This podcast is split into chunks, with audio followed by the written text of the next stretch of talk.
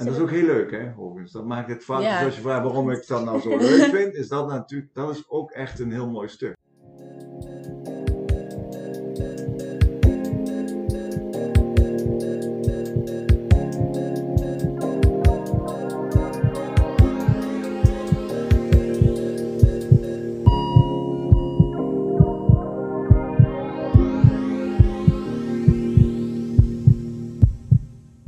Wij zijn VCMS Nijmegen, het bestuur. Ik ben Jules, ik ben de voorzitter en ik heb hier bij mij... Evie, mijn naam is Evie, ik ben secretaris en uh, nu derdejaars geneeskundestudent. En we zitten hier met dokter Vereschild. Hallo, ik ben Vereschild. Ik ben hier uitgenodigd door jullie. Yes. Om, ja, jullie willen mij dingen vragen over mijn superspecialisme, toch? Precies, het superspecialisme. Want u bent kinderchirurg mm en u uh, richt zich vooral op de colorectale malformaties. Dat vind ik wel een superspecialisme.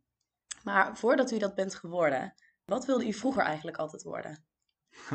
Tijdens de kooschappen of Tijdens daarvoor? Tijdens kooschappen of nog eerder? Ja, uh, dat zou best verschillen. Nou ja, ik, uh, ik, ik, heb een andere soort, misschien niet een straightforward route afgelegd. Dus ik, ik was, wilde dokter worden ooit. Toen, maar dan heb je het over 12 jaar of zo. Toen, toen heb ik een beetje niet zo lekker gepresteerd. Toen ging ik toch eerst fysiotherapie doen. En vanuit daar ben ik geneeskunde doen in Maastricht. En toen was het natuurlijk logisch dat ik eigenlijk orthopeed zou worden of zo, een fysiotherapeut zou worden, orthopeed. um, maar dat wil, ja, daar heb ik wel nog even aan gedacht, maar wilde ik eigenlijk niet. Ik was helemaal niet zo monomaan in, in dit vak waar ik nu in ben beland. Dus ik heb ook nog met neuro kinderneurologie en neurologie ge geflirt. Zelfs een wetenschapsstage ingedaan in, in Australië. Mm -hmm. um, en eigenlijk pas in mijn, in mijn na mijn kooschap, of nee, is niet waar. In mijn kooschap heel kunnen dat ik wel, ik vind een snijdend vak heel leuk. Mm -hmm. En werd toen wel al getrokken door het colorectale, maar het was vooral het oncologische gedeelte okay. waar ik echt toe aangetrokken werd. En toen ben ik gestart in Ede als Anjos, als mijn eerste baan. Mm -hmm. En daar was ik, toen was ik echt verkocht voor het snijdende heelkundige vak. En dus dat was het moment dat ik eigenlijk dacht, ik wilde chirurg worden. En dan was het nog vrij breed. Hoor. En mm -hmm. ben ik in opleiding gegaan in Rotterdam. Waar ik eerst zeg maar pro in, in sta als Anjos in de Daniel Hoed kliniek okay. werkzaam was. Dus echt oncologie. En daar is ook mijn promotietraject ontstaan naar, rectum, naar het rectumcarcinoom, het uitgebreide rectumcarcinoom. Dus was ik, toen was ik wel al echt colorectaal georiënteerd maar bij volwassenen eigenlijk. Mm -hmm. Opleiding in Rotterdam. Uh, die was echt fantastisch. Nog een, een, goede tijd gehad en daar uh, gekozen voor colorectaal volwassenen. Alhoewel ik toen wel zes maanden een stage heb gedaan in Sofia Kinderziekenhuis. Uh, waar ik ook heel enthousiast werd over dat, dat stuk. Maar uiteindelijk uh, promoveerde ik op het rectumcarcinoom en ben ik daarin doorgegaan. En toen kreeg ik een KWF Fellowship. Dat bestaat helaas niet meer, maar dan kon mm -hmm. ik twee jaar klinisch kon je op geld van het KWF. Kon ik zeg maar, de wereld rond om uh, mijn uh, gebied te ontwikkelen. En dat was het rectumcarcinoom. En toen ben ik met mijn gezin naar Australië gegaan. Heb ik een jaar gewerkt in Australië. Um, omdat daar heel veel uitgebreide rectumcarcinoom werden geopereerd, dus expertisecentrum.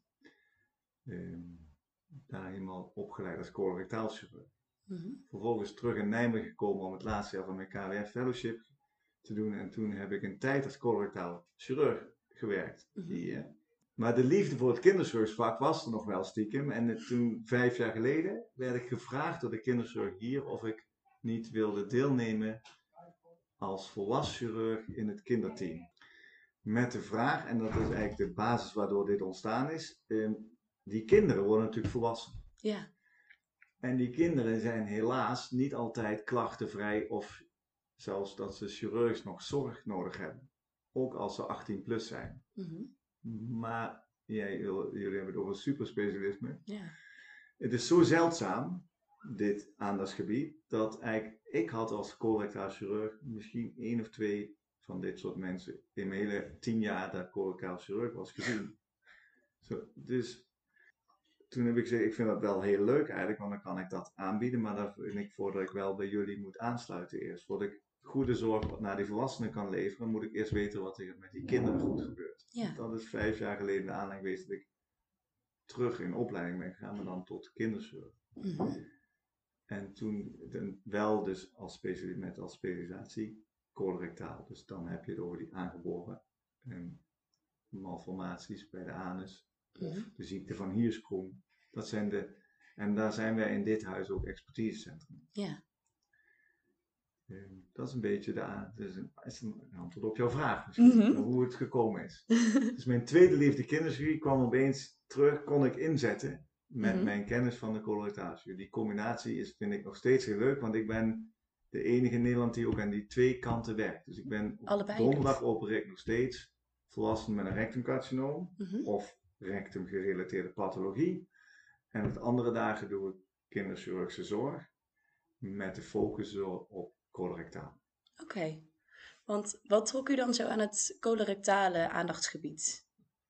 Wat ik eh, heel leuk vond is dat je ehm, binnen de volwassen wereld eh, het, oncologisch, de oncologische patiënt behandelen en genezen. Wat daar, daar zit meer omheen dan alleen het, het operatietrucje natuurlijk. Dus ik vind dat, dat gesprek met die patiënt interessant en brengt mij ook voldoening. En dat, dat vind je bij de kinderen vind ik ook heel erg terug. Dus, dus veel meer dan alleen maar de operatie doen. Het gesprek met ouders en die interactie aangaan. Dat, die band die je even met elkaar hebt. eh, dat, dat brengt mij heel veel mijn me ook echt veel. Het is af en toe lastig, maar het brengt ook heel vaak iets, iets meer dan gemiddeld. Ehm, buikoperaties vond ik, vind ik nog steeds heel leuk, ehm, omdat het altijd weer anders is. Eh, elke buik is anders. Ehm, gewoon in die buik, die, die, die darmen, eh, operaties, die hebben mij gelijk getrokken qua techniek, qua laparoscopie skills, de robot die ik nu kan doen. Dus er zit heel Mhm. veel aan vast wat mij zeg maar, technisch uitdaagt en waar ik echt ook eh, leuk vind om daarvan in goed te zijn. Ja. Ehm, en dan denk ik dat een echt een belangrijke factor is dat die, de, de pathologie en de mens daaromheen mij ook trekt. Ja, u bent van de zorg van volwassenen naar de zorg van, voor kinderen gegaan. Hoe is die eh, overgang van communicatie met deze patiëntengroep? Ik heb het onderschat zelfs nog. Dat is wel grappig eigenlijk. Ja. Dus eigenlijk, ik dacht, ja, ik heb tien jaar ervaring, Mhm. maar ik kan echt wel met een, eh, dit omgaan. Ehm, en door de kinderzorgen wordt natuurlijk, ik heb niet voor niks even twee jaar natuurlijk weer gewoon als fellow, ge- en dat was ook echt nodig. En dat had niet zozeer te maken dat ik technisch misschien niet die operatie kon uitvoeren, alhoewel ik dat ook moest leren opnieuw. Hè. Deze, deze operatie vergt toch weer iets anders dan bij volwassenen. Mhm. Maar het vergt vooral dus leren wat kindzorg inhoudt. En kindzorg is veel meer dan, dus, dus wat heel vaak vanuit de volwassen kant wordt gezegd, ja, dus gewoon een, een, kleine, een kleine volwassene. Mhm. Dat vindt de kinderzorg echt een understatement, daar worden ze ook echt boos over. Ja. Eh, en het is wel heel, ik heb ontdekt dat het ook heel terecht is, want het vraagt echt een hele andere, veel meer anders dan dat je denkt. Dus om een afdeling komt echt veel kijk om, om zo'n structuur, een gezinssamenstelling die, die onderbroken wordt. Ehm, ouders die echt zorg hebben om een kind, wat anders dan zorg om jezelf. Hè? Wat meestal bij de vaste Ja. natuurlijk zo is, dat ik heb met jou te maken voordat je een aandoening hebt en je broer of zus of je moeder kan er wel mee.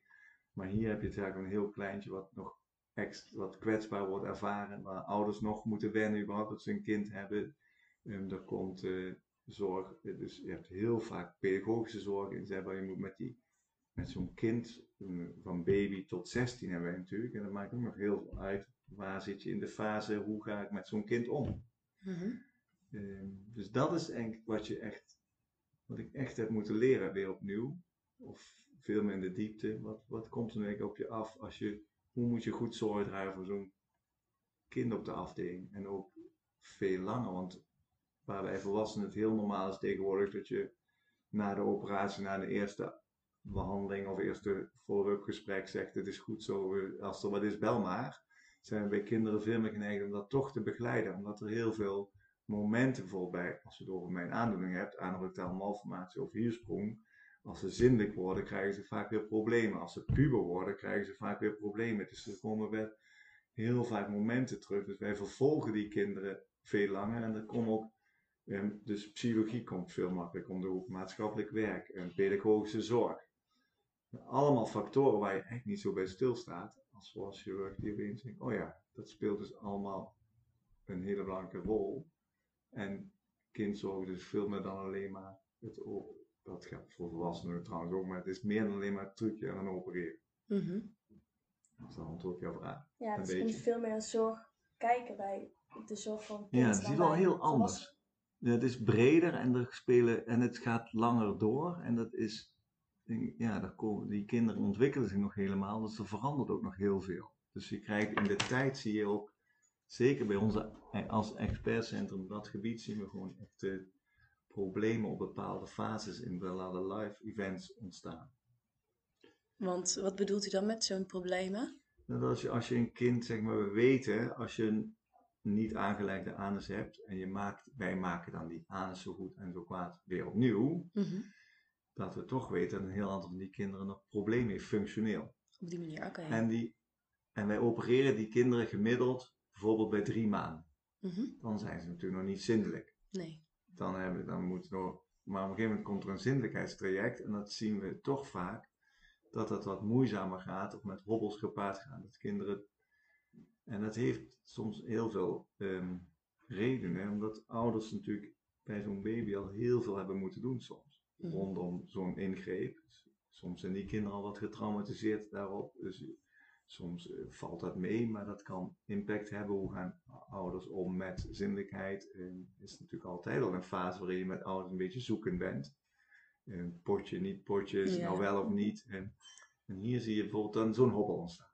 Mhm. Dan komt er een volgende fase, een puberteitsfase, waarin kinderen, als ze bijvoorbeeld vaker wat, wat, toch wat verliezen, omdat het niet helemaal optimaal werkt, eh, zich gaan schamen heel erg. Mm Ehm, daar niet over willen praten. Seksualiteit kan een probleem worden, dat ze geen relaties durven aan te gaan, bijvoorbeeld omdat ze, zich, omdat ze dat toch moeilijk vinden om te vertellen. Mhm. Ehm, dus je krijgt echt een aantal momenten in, in, een, in een groeifase van kind tot volwassene, waar, ze, waar we weten, ondertussen heel goed, oh, daar moeten we ze in begeleiden. En natuurlijk, er zijn kinderen die je nauwelijks te begeleiden en het hele spectrum komt aan bod. Mhm. En het heeft ook te maken met de ernst van de aandoening. Dus dat mhm. varieert in mijn vak in die kinderen ook nog heel erg. Ja. Dus je kunt een hele minimale afwijking hebben met minimale klachten tot hele ernstige afwijkingen. Waarbij niet alleen de anus niet is aangelegd, maar ook de nieren niet goed werken. Um, bijvoorbeeld de, hele, de, de, de, de, aanleg van een scrotum en, en alles kan afwijkend zijn. Dus dan wordt het echt een heel ander verhaal nog. Mm dus in dat spectrum zie je ook dat wij veel langer kinderen begeleiden. En dus ook ouders moeten begeleiden. Ja. En dat is ook heel leuk, hè, overigens. Dat maakt het vaak, ja. als je vraagt waarom ik dat nou zo leuk vind, is dat natuurlijk, dat is ook echt een heel mooi stuk. Dus, dat maakt echt het vak. Ja, maar ik ken ze natuurlijk niet allemaal. Nee, nee, dat snap ik.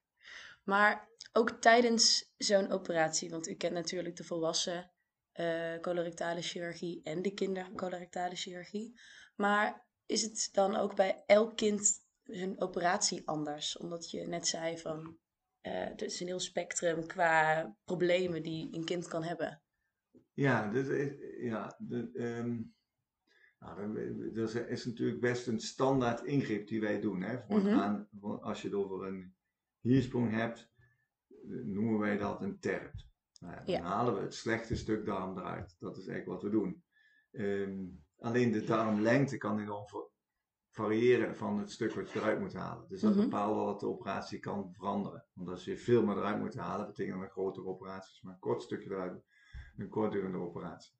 Um, maar het is wel een standaard techniek. Okay. Dus die is heel erg gestandaardiseerd. En dat, um, dat zal niet heel anders zijn bij, van kind tot kind. Behalve dat het maakt natuurlijk wel uit, en dat is bij, de, dat is bij kinderen zo, maar volwassenen ook zo. Als ik jou voor me heb, um, is het wat anders dan dat ik iemand voor me heb um, die 80 is, of die 120 kilo weegt.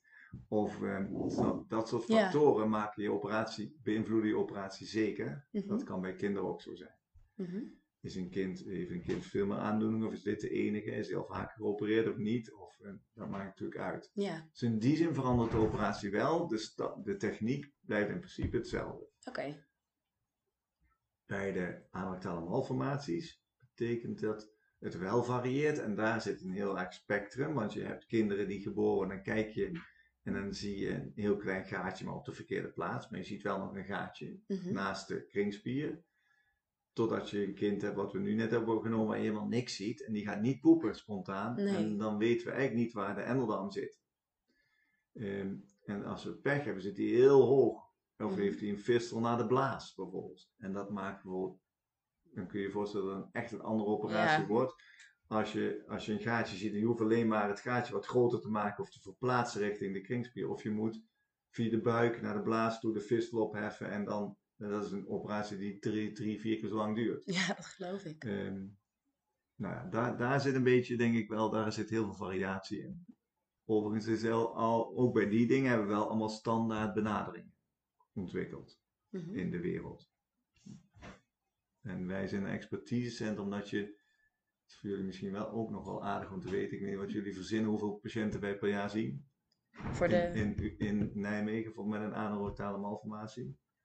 ik denk heel weinig. Zullen er 50 zijn misschien? Ik denk Nou, minder. niet. Veel minder? Ik denk vijf? Nee, nou, Misschien weer meer dan dat. 20 per jaar en dan doen wij, moet je je voorstellen dat wij met Utrecht samen zijn.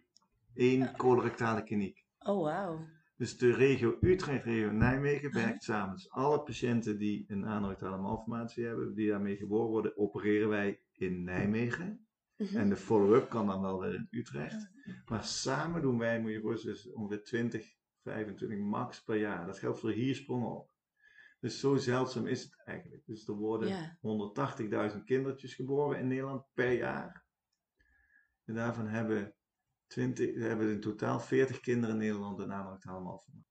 In een, en de meeste hebben dan ook nog een hele, de, de beste vorm. Mhm.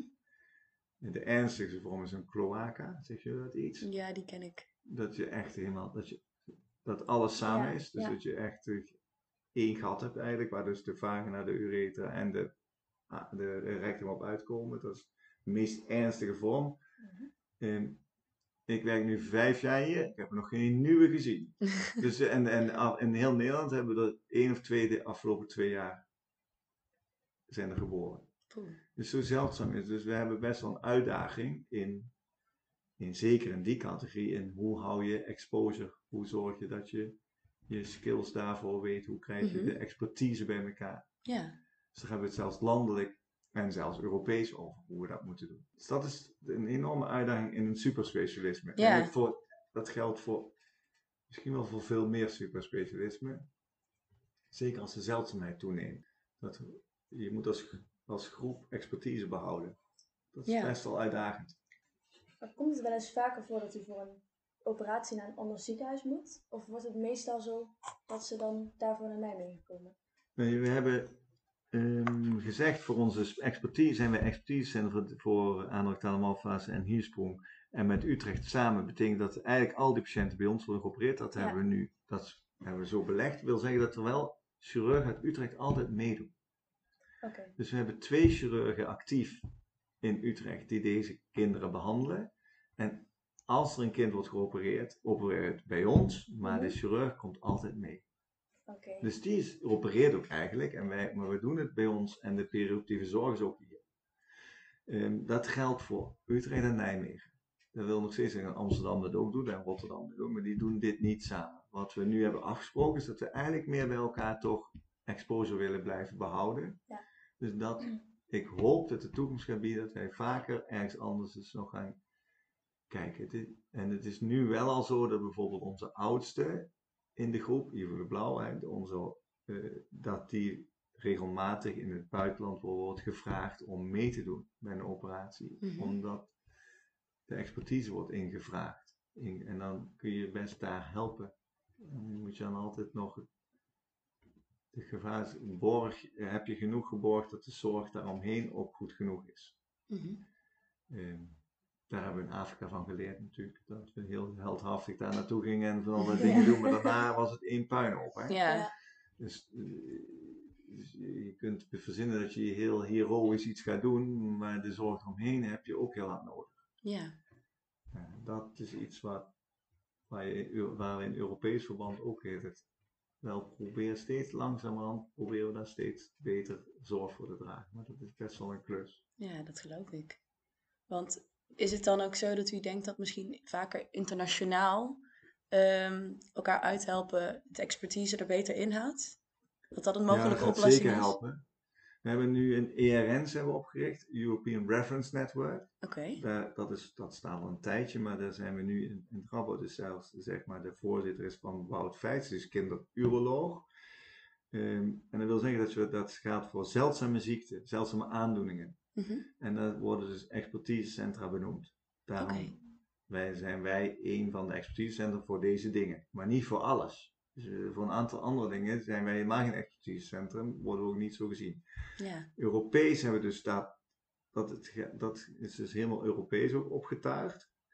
En wat we ook doen is bijvoorbeeld dat je daar casuïstiek kan uploaden.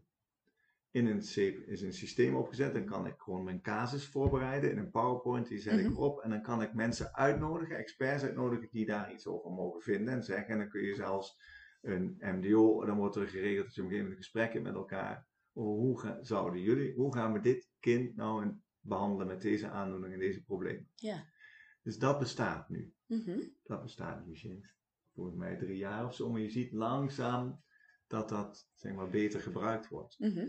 Ehm, en dat moet nog verder uitgroeien. En dat geldt ook voor bijvoorbeeld ehm, onderzoek op in dit gebied. Dus we hebben Mhm. nu bijvoorbeeld een, we registreren nu ook alle mensen Europees, alle kinderen, die komen nu in een database terecht. Maar we weten in ieder geval hoe vaak komt het nu voor in elk land. Wat doen, wat doen eigenlijk Franse chirurgen met deze kinderen? Want dat verschilt nogal hè Ja. in operaties, in behandeling eromheen. En, ehm, en kunnen we van elkaar leren. Dus daar zit de uitdaging voor de komende tien jaar, is daar denk ik, eh, of de komende jaren, enorm om daarin te groeien. En daar Mhm. beter te worden met elkaar.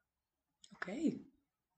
Dat is een mooie ontwikkeling. Dat is leuk hoor. Dat is ook een hele leuke ontwikkeling. En die gaat heel traag en die gaat met hobbels en met gepaard. Maar er is wel echt in heel veel, toch al wel wat stappen gezet. Zeker als je het over nu vijf, zes jaar heen kijkt, is er wel heel wat verbeterd. Mhm.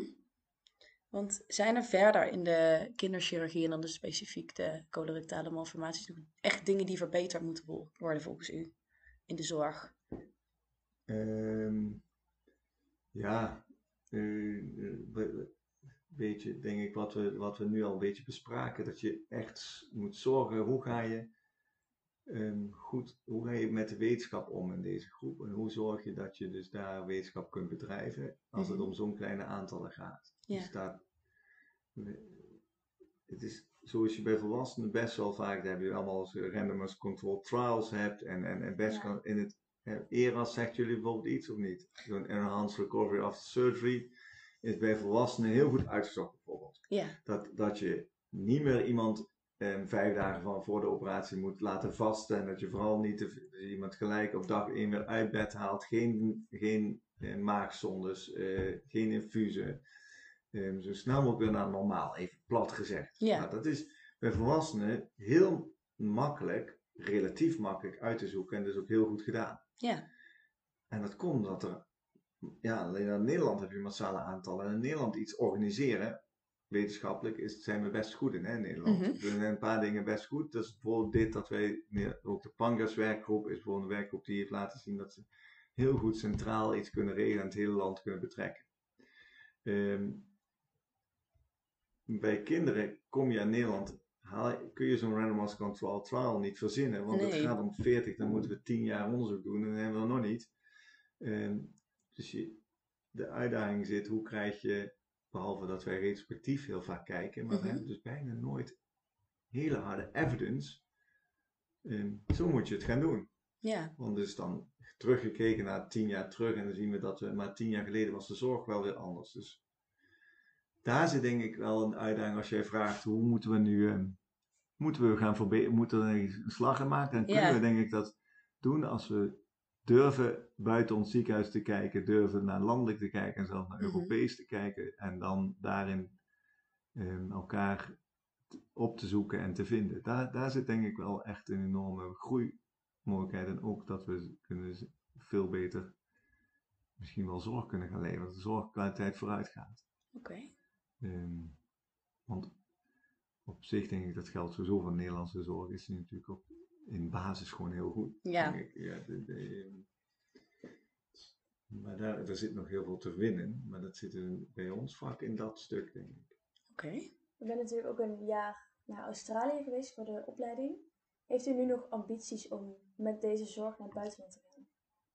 Ehm, niet best, ik ben natuurlijk best nog kort teruggevraagd. ik ben best nog kort hier eigenlijk. Ja. Eh, dus, ehm, ik heb dat voorlopig nog niet. Ik heb hier nog genoeg te groeien zelf en te, Ja. te winnen. En het, dus voorlopig zit ik hier nog prima. Of ik het ooit eh, nog leuk, leuk zou vinden om ergens in het buitenland iets te doen, ja, ik vind, dat zou ik best leuk vinden. Ehm, en dat sluit ik ook zeker niet uit. Ehm, sociaal gezien is het in mijn leven nu op dit moment ook niet. Ik denk, mijn kinderen staan niet te springen nu een jaartje na. Die zijn allemaal middelbaar scholieren. Ehm, kan hè, als het moet. Ja, het is niet zo dat het niet kan. Maar ik denk niet dat zij ehm, het heel, ook heel fijn. En mijn vrouw heeft natuurlijk ook een baan en is hier Ja. een huisarts en, en die heeft een vaste praktijk. Dus het maakt sociaal zien ook soms wat, wat lastiger. En toen ik Ja, naar Australië ging, was een ideale timing eigenlijk. Kinderen nog niet naar school, mijn vrouw nog geen vaste baan als huisarts. Ik net klaar de schoolbank, kom maar, we Mhm. gaan. Was het beste wat ik gedaan heb, denk ik. Was leuk. Als wij terugkijken, dan nog steeds fantastische tijd. Ehm, dus, eh, het, maar op dit moment heb ik nog niet heel hard die behoefte. Ik zie bijvoorbeeld Nee, bij Ivo de Blauw, onze oudste, in de, maar, onze hoogleraar die zie je nu, die is in het laatste fase van zijn carrière, die gaat heel veel al wel af en toe, die gaat niet heel lang weg, met zo, misschien gaat hij wel een langere tijd weg, maar die zie je wel veel meer al, zeg maar, zijn expertise ook uitdragen, lesgeven, buitenland, Europees. Dat zie je wel gebeuren. Het zou best kunnen dat je meer zo gaat, of eh, ik weet het niet. Mhm. Maar het sluit niet uit. Het lijkt me ook Nee, best nog leuk om een twee, drie jaar Ja. naar buitenland te gaan. Zou ik, niet, zou ik ook nog heel leuk vinden. Maar nu voorlopig nog even niet. Geen concrete plan. Zou het dan ook Australië zijn meteen? nee, dat zou bij mij niet. Ja, het is fijn denk ik wel als je de taal goed spreekt. Mhm. Ja, klopt. Dat lijkt me ook. Ehm, ja, dat maakt, ik denk dat ik daar wel aan een voorwaarde voor zou hebben. Want Mhm. als, je die, als ik het net heb met jullie over dat het meer is dan in de operatie, in het gesprek. En, en Ja, dan klopt. is het wel fijn als je, die, als je mensen, dus Arabië zou echt wel lastig zijn, denk ik. Ik vraag me altijd af hoe mensen dat daar doen. Maar in mijn vak zou ik het helemaal lastig vinden. nee, dat Dus snap ik ik zou wel. een Engelstalig land in mijn, of Duits, dat dat zou nog kunnen. Frans zou ik al echt moeilijk vinden. Mhm. Ik spreek ook geen Frans hoor. Mm, Maar wellicht kun je alles leren, maar eh, dus ik zou, mijn voorkeur zou wel een Engelstalig land zijn dan. Ja, ja, en dan is het aanbod natuurlijk ook beperkt. Er zijn best wel Ja. Engelstalige landen. Ja, oh, je wilt aanbod in, dan moet je ook maar gevraagd worden. Ja, nee, dat ook Het is nog. Ook moeilijk dat. om dan eh, zo is ook super zo. specialistisch daar weer een baan te vinden. Mhm. Nee, dat is, ook, dat is helemaal niet gezegd dat het heel makkelijk is. Dat denk ik ook op niet. je pad komen toevallig. Hè? Ja, sommige Ja, dingen. ook. Ja, zo rol je overal Gelukkig kun je je... niet alles sturen in mijn leven en dat is ook best leuk. Dus je soms, ja, dat, dit was met die kinderstudie was ook niet, had ik niet helemaal verzonnen. nee. Hem zelf, want ik had het ook best heel goed bij de volwassenen. Alleen het kondige pad, denk je, oh dat is mooi, dat is een leuke carrière stap die je kan maken. Ehm, eh, ja, zo komen er dingen. Zo, dus in de- als het op mijn pad zou komen, wie weet wat ik kies. Maar Voorlopig. Nou, dat gaan we zien. heb ik hier genoeg te doen. dat geloof En ik. ook leuk, leuk genoeg uitdagingen. Nou, mooi. Ik denk dat wij omwille de tijd toch een beetje moeten afronden. Ja. Eh, ik vond het in ieder geval een super interessant gesprek. En het klinkt als een heel erg mooi vak, de Het is kinderchirurgie. een prachtig Ja. vak. Dat Echt, geloof ik, ja. Het geldt voor heel veel vakken van ons volgens mij, maar ik kan nog steeds genieten van het vak. Daar gaat het alle om. ellende die je er soms hoort, hè, administratief en wat Mhm. jullie ook allemaal denk ik wel, lange uren en weet ik, Ja. dat kan allemaal, maar ja, het levert je ook toch nog steeds heel veel plezier op. Ja, zolang het zo gaat, is natuurlijk de allermooiste baan die er is. Zo is het. Ga je het ook maar doen. Ja, precies. Nou, ik ben overtuigd. Maar ehm, ik wil je nogmaals heel erg bedanken. Niks te danken, leuk om dit te doen met jullie.